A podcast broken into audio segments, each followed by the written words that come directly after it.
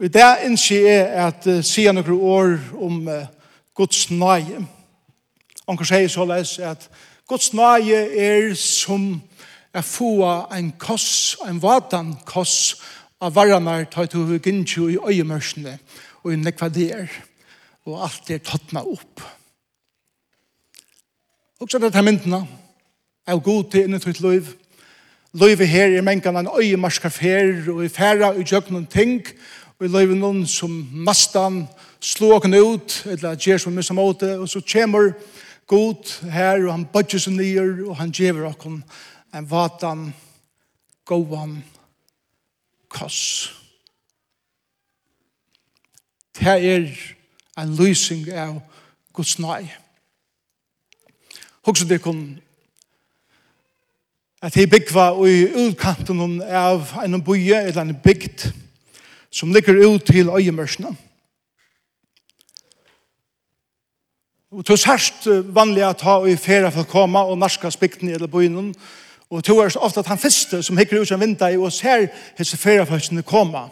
Og to antil veist du hvor det er, eller kjenner du det ikke. En dag inn så, hong, så, så gonger du inn i stakas inn i køkken og vinter i kjader til venter bant og i måter til venen som norska spøyen fra øyemørsene. Og Og hendan dagen sørst du tveir personer koma gengande lenkbostur som tar narskast. Til et eller annet vi gongelanen tja øren av dem som gjer at du sier her er okkur som vi kjenner atter. kjenn er så hattar, men jeg vei minnes ikke hver jeg har sett hattar før, men jeg kjenner det gongelanen.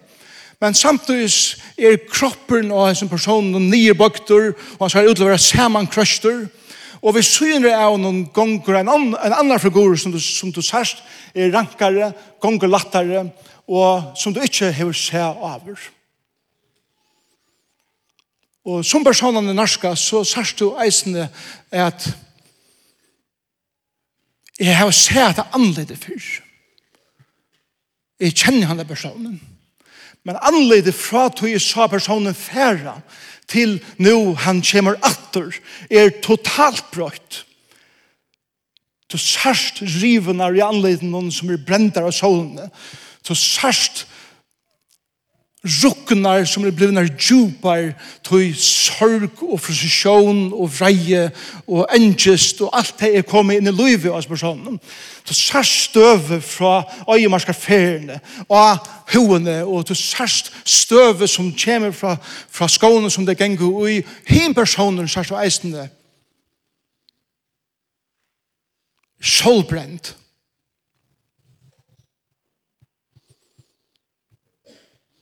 knapplig så kjenner du personen etter. Og henne kvinnan som boer vi de åttaste husene i Betlehem. Ser du trommen er i gongt og sier Naomi er kommet atter til Betlehem. Naomi som for nekken år siden får til det hungersnei og i et annet land for at få et liv vi mannen kjøs her her finner det bøten som døy her finner det sverdøter som, som levde og vujere og ein terra var villig å komme heim vi Naomi Naomi betyr å være glæver, å være løvseller, å være filtra nøye. Og ta i kvinnenar i Bethlehem, flokkast om Naomi og gledast om at hendan kvinnan som hever bostur i sånne gåar, loksens er kommen heimaters. Men ter undrast av hver Eli Melek er, ter undrast av hver avkomi er. Og undrast av er så avkjende kvinnerna som er vi henne. Men Naomi som ber hette og medelige vekra naier navnet, hekker på at her og sier, jeg eit ikke Naomi langer, eller kalla meg ikke Naomi langer, kalla meg Mara, som betyr å være baskur, som betyr at jeg har mist livsmåte, som betyr ein som hikker at liven ikke seg selv og i ljøsene er hva ein hever oppleva og lever ui og definerer seg selv etter tog.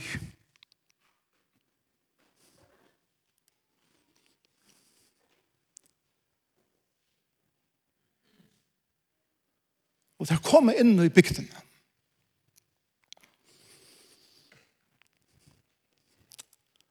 Og Rutt, hennan unga, særda kvinnan, hon er jo en svimman. Og det er et, en av Jovas og Sargent som jeg kan forsittla mer i løyvene. Men hon sier, jeg er ferdig ut av trekkeplassen. Det var det bruk for å eta. Og hon fer ut, og hon samlar seg, jeg sender av til kottene som detter ut til synar, som det fader kunne komme at hente. Saman dagen kommer eieren av kottenmarsjene ut av ækren og hittar hvordan du sender til vi arbeid og han legger mest til hese unge vøkro kvinnerna som hever en annan hulit som hever en annan måte at beveger seg på enn det var kjent til mentan, som tar seg et annet mal. Og han spyr for er hon. Og ut til løten han får vite for hon er, for han eier av henne. Vi gjør når han fettler pladask for henne.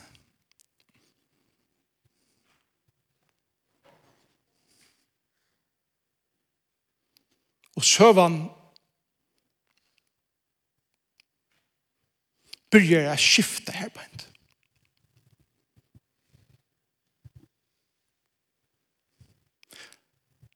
Nekv er åkken færa i tjøkken løyv. Og i perioder løyven i tjøkken så er det ting som, som er fantastisk og til framgångt og vigångt og er at høyer så er det ting som kører bænt og måter åkken og slå åkken ut men i midten teipa er tingene. Hver bægi er en reelle parse av løvnen, er god i sentrum av av tøy personen som hever vi er kjent Jesus Kristus som sin herre og sin liv og sin frelser. Og det som god gjør i løvnen er at han teker Boar situasjoner, bæg det som er fantastisk, og det som er trobult, og han, han kommer inn, og han legger sin hånd og alt det, og videre til kvæt. Ut i løtene, god fikk eia og det. Fattlan pladask fyrt her. Og hans dreimer for mutt og tutt liv er at mynda til livet som er eikjent av hans nøye nøkra liv så er det lyga mykje om det er fantastisk vi gong til løyven, eller om det er utrolig må gong til løyven. Lyga mykje hva det er, og lyga mykje hvordan det er fer i og løyve, så har vi et møveleggen av bavun støvun er proklamera nøye Guds og i ødlen løsens omstøvun.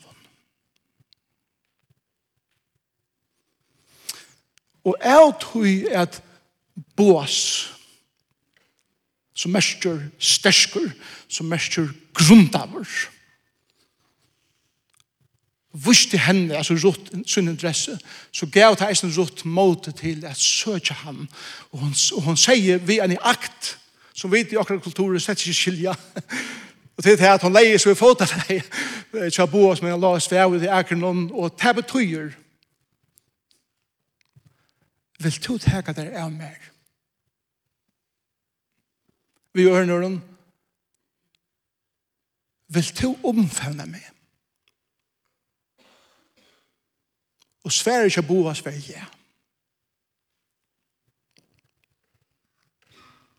Og tar som nøye gods, så er det et vers i Hebreerbrevet som sier at vi vi dirve stuja fram fire kvæt nøye hasa det gods. Ta og e og to grunda av akkurat søve som har fyllt vi herran nekvar vita at han er nøyryk vita at han omfender okkom så djevet til okkom dyrve og i øtlenløsen situasjonen at leita inn til ham vitande at han fevner okkom God for ei og alt det, og fettelig for det. Ta ut kommer hon nær, litter han, kan man säga, døgnene. og sier, vil du komme nær? Så intimer er ikke god å være ved oss. Jeg vil verja det. Jeg vil omfevne det. Boas er det som vi kallar for løysherren. Det er i timentene så måtte en kvinna som rått og eisen og om i vera løstar til at familie, familiemessige så var det tenkt der til ta nasta som skulle ta iver i familien. Det var en tilfeldig maver som sier jeg har nok vi ena kone, jeg kan ikke ha tvers. Og Boas sier jeg vil trekke inn og han blir løysherren. Han løyser eh, rutt og Naomi fra ötlom tøy som det var bundna til familjemessige og djevet dem en spilt under til byrjan.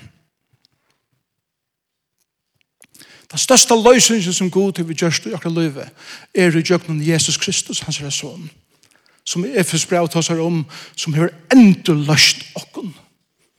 Og har fire djevi okken syndra okkara etter et nøye rydgjedømme gods. Jesus Kristus er okkara løysare fra öllum taimun byrun og öllum taimun lantjun som binda okkara løy og han setur okkara fru fru at velja at leva livet såleis at han verir artur lyga mykje kusse trupult eller lyga mykje kusse gott og vi nekvar vikong okkara liv avspeklar Og henne kvinnan som sier, kalla meg Mara. Vet du hva den gjør i fjore kapitlet og i Rutsbog? Her sitter hun ved en liten, nyfødden smadrønge. Som eitre Obed. Og han hever, hever kolvelt løyvene til kjønse kvinnene som kom atter bæsk. Og god kallar Naomi i fjörde kapitlet ikkje Mara. Men han kallar henne Naomi. Kvi? Til at hun var Naomi. Det var det navnet som god hei givet henne. Hon tog ett navn, alltså självan, som, som hon lät definiera sig allt efter hur hon upplevde livet. Men Gud säger, det här för icke, tog en definition av den kan livet, för inte att bryta mina drömmar. För tog navnen som jag inte tog ska bära till en liv. Tog karaktären, tog livsviljan som Gud inte tog ska leva. Och tog säger, at Herren, at Naomi, sæt vidrøngen om. Vi lus fruktene. En høvende sier så leis. Det store moner av velvild og nøye. Velvild gav rutt er sinter av mæte er det. Nøye gav henne en mann, et heim og avkom. velvild gav til avloppna mannen som var ved om at Jericho, olje og salve i særene. Men Maje gav honom oavmarska upphalt, upphalt og besta, allar besta, eller besto, vittjer, og i sinnesår. Velvild fyrirgav, ronsmannen av krossen og alt det som han har sagt. Men nøyen ledde han handan dagen inn i paradis.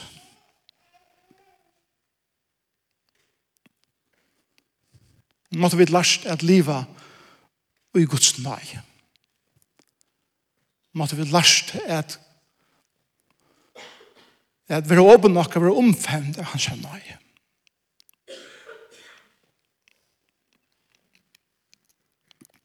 Så anker her i morgen hokser, ja, men jeg kjenner ikke Guds nøyen her, jeg kjenner at det er en tøy i løven som er så mye trobel, at det føler ikke god hele tiden nær min liv. Jeg vil si det samme som jeg sier vi det unge, ut av Teen Street. At god ser tøyt liv som sitt listaversk. Og en og for går lista med over, da han stender maler av sin lørte, vi først trakkar han atter for jeg får helda mynda av sånne listeverset og er han trakkar nær atter at nema vi til liv God er omkant i lengt fra det her. God veler omkant i til fra.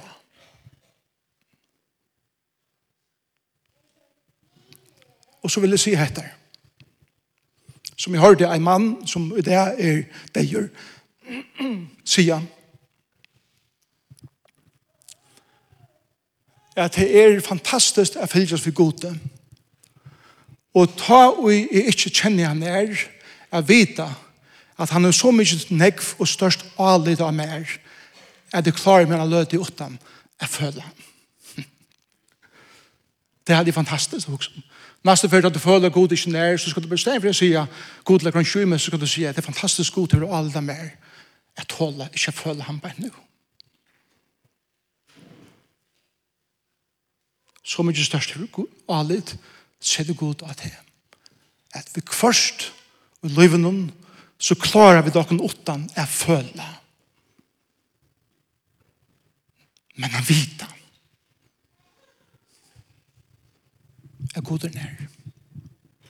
La meg enda bare vi noen faven tanken, vi har noen versen som, som er kommet til meg, som er røyne at hega innom mitt liv mer og mer. Etter fra sorgarsongen om kapittel 3, Jeremias sitter og øskedunken i Jerusalem, og han, han fer faktisk alfabetisk i jøkken, alt er hevlig som han fer i jøkken. Mitt i sorgarsongen, i tre kapittel, som er mitt i bøkene, her sier Jeremias. Men han sier, nøye er nødt. Anna kvann morgon. Sier han til? Kvann morgon. Og unnveit etter, og karita tjokken har vi tidsi det samme som jeg har praksera. Og til det er at jeg får meg å lese vatten kvann morgon. Som det er første jeg gjør fer opp, hvor krana fra, da nå ligger renna så vattnet blir uh, kaldt med en litt feil til koppen noen, og jeg får meg vatten ui. Og det verset fer i jøkken med tøtt. Han sa, nøye er atter nudj i morgen. Og det var eisen det første gjør det i morgen. For jeg stedfeste heter atter atter min løyve. Han sa, nøye er spilder nudj, hun er, hun er frysk. Det var ingen endurtøka fra i joar til spilter nytt, akkurat som de at finne manna, nytt manna, kvønde er. Frukst, nypeka, uisa, kaldt vatten. Ja, altså, vatten var ikke beka, men altså, manna var beka, og, vatten, og vattnet var uisa, kaldt at drekka. Et annet vers som er øyla dyrabars for meg er, er hatt verset, og det var et vers som var så dyrabars for pappa min, eisne, er, Og det er da Paulus spyr eh, feiren i Ørenkrimpra kapittel 12 om han kan tega seg tørn under holden. Og feiren sverer hon da han sier at Nøye mun er det her no mykje. Du prøver ikke å slippe av at det tørner. Faktisk er det godt at det var tørner i holden. Det er godt at åkken tørver nøyene kvann det. Og han sier, ta nøyene er no mykje. Det er å si det samme som alt etter hver du erst og av skalaen om hvordan fortapt du følte, fortapt du følte, hvordan sviknan du følte, lykka mykje hvordan nye du erst, til akkurat det malet av nøye, til det situasjonene, tann dagen, er det som du har bruk for for godt. Og så, så legger han at seg at, at ta og to erst veikur, ta erst sterskur. Ta i dårs bråten, ta gjer i heilan. Til at ta vi der veik i okken sjolvun og løyva okken av livet i gos nøye, så trakkar han seg nøye inn og teker iver og gjer okken stersk og lytter okken opp.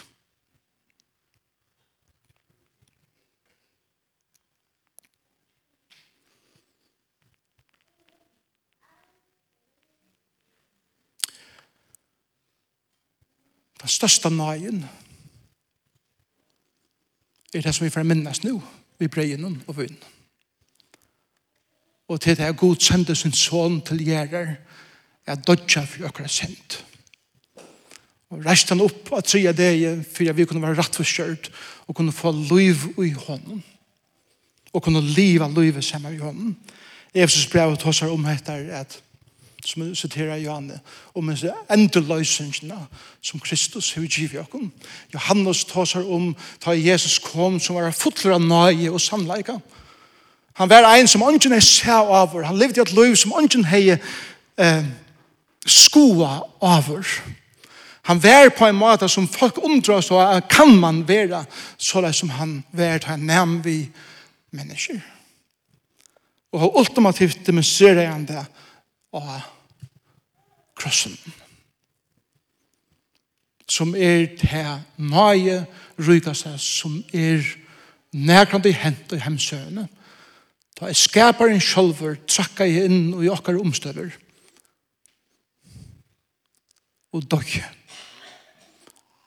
for jeg ryser opp at og gjeva okkar liv og for jeg ryser opp at og erklæra jeg og nøkter vi tar verset som han gjør det. For jeg vi utstrykker syndene som peker måte dere. Michelangelo, som var en av største renessanskunstnerne, gjør det David i Firenze, han gjør det Pieta som er i domkirken, eller perkyrkene i Rom, gjør det Sistin kapelle, loftet her, og kjente for ødelse og utrolig versene. Han sa seneste versk. Det er et verk som han atle skulle stande av sin egen grøv. Det som vi ikke vet om Michelangelo, men kan er til at han var mer enn en kunstner. Michelangelo levde i tøyene ta i reformasjonen for å gjøre alt i Europa. Mm Og selv om han levde i en djupt katolsk lande, og tante katolske kyrkene og sånne kunsten, så var det årene til Luther om at frelsan er av nøye Guds eina og et for eina. Det hadde slik av avvurskan av Michelangelo at han struttest vi hattar. Tog at grunden fyrir, som Michelangelo sier sjálfur, at, at jeg røndi jeg gjøre listene så goa som mulig, at det var eisen tog at jeg helt at det for å skåre meg nøkker på eng, ta jeg en del standa han for god. Men det som Luther er kommet vi, vi hesten her, at, at nøyen er det som god djever okken.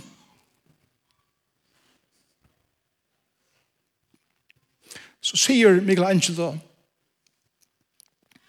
som några som sista årene heter, og de årene, standa av hese standamendene som han gjør det av seg sjølven, som ombar seg sjølven. Han standamendene stender i eh, Dom, Museum i Firenze, eller Florens, enda i det. Og du kan svære inne her og suttja, og mynden er av Nicodemus, men det er Nicodemus som kom til Jesus av natt, og Jesus sier vi igjen, Thomas, for jeg føtter av nudjon, og Og standemennen er en Nicodemus som helter deia Jesus. Det er en tidsen i av krossen. Og Maria og alt det som var standa eisen her. Men Nicodemus, som vi vet ikke var ved krossen, stender ved krossen og helter deia Jesus.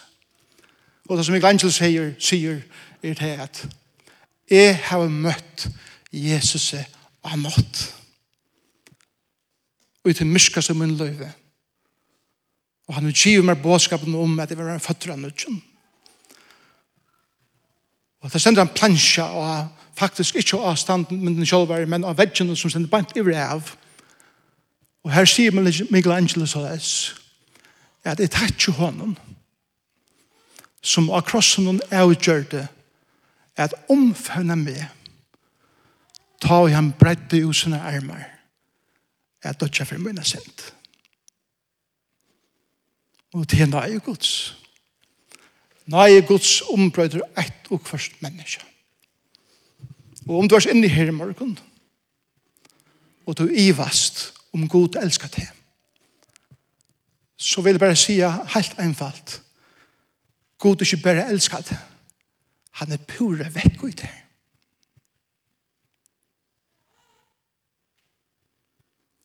Og han bjør at her at trakka nær. Og Lyga mykje hver tørst til lyga med det.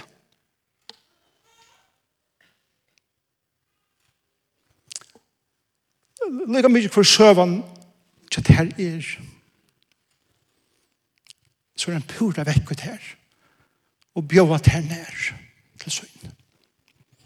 Om du ikke kjenner han, om du ikke givet et liv til han i morgen, så, så bjóa han her å komme til søgn og og takke honom for at han døye for te akkurat krossen. Og om du er ser morgen, og du har fyllt sin nekvar, og det er tidsis at han er lengt bort fra der, minst til han har så mye nekvar alle det her. At du klarer det uten at kjenne han er en av lød. Men så trakker han inn natter, og fortsetter kunsten som han innskjør, skal jeg kjenne tutt liv, og Det handlar om namen vi tar ut. Hjärsta. Så i hesson så får vi at hitje er tog i morgen. Vi får at vi får nå at tega av breien og tega av vinnen. Og vi får minnes det som Jesus gjør det for oss nå.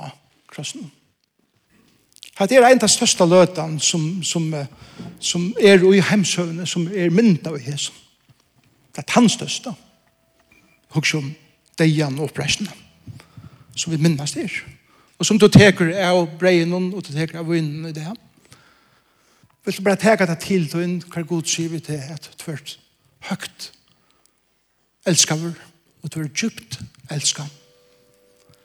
Og vil du bare gjeva alt i vår som nøyvor og som gjør til til Mara. Vil du få noe om i navnet i atter til et løyv. Vil du oppleva at er god ser til, vil du oppleve at tårer at tryna nær oppi han dekka det.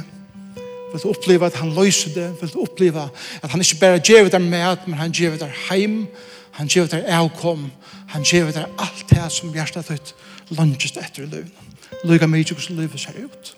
Og en dag skal han leie til heim i paradis.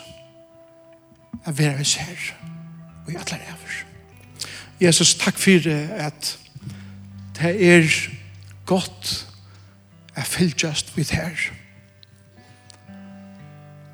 Vi husker om det her på kvinnerne som det narska hos Bethlehem og det er såest i vindagen og tjattheimen som bor uttast. Djup og ruknar som løyve hette hei sett ui Nomi. Nomi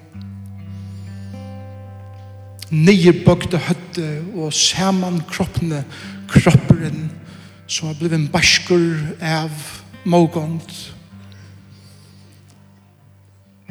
Vi er at møte at han er røtte folkene.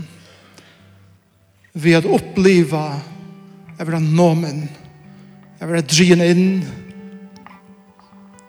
er i viser og jeg hever rett henne er rigg opp av nødgjent hever litt henne å nakka opp et tåra at heve ekna kontakt med folk. Hever giv i henne nytt løvsmåd og sitt hjärsta. Jeg halda av all lyga mykje kvæt. Og så sida vi disse løvsfruktene som rutt gav henne og boas. Og prysa her. Og at mitt i ötlun til trupla så er livet underfullt og størst. Og er det det jeg opplever etter at det er ikke at akkurat ser man kroppen av livet men det vil være nomene av Jesus måtte vi rett akkurat rygg opp måtte vi rett akkurat nakke opp til lukka mykje kvæt så er Kristus alt kja mer og tog takka deg fyrir som myndina og takka deg fyrir hver ut du erst og i Jesus navn Amen.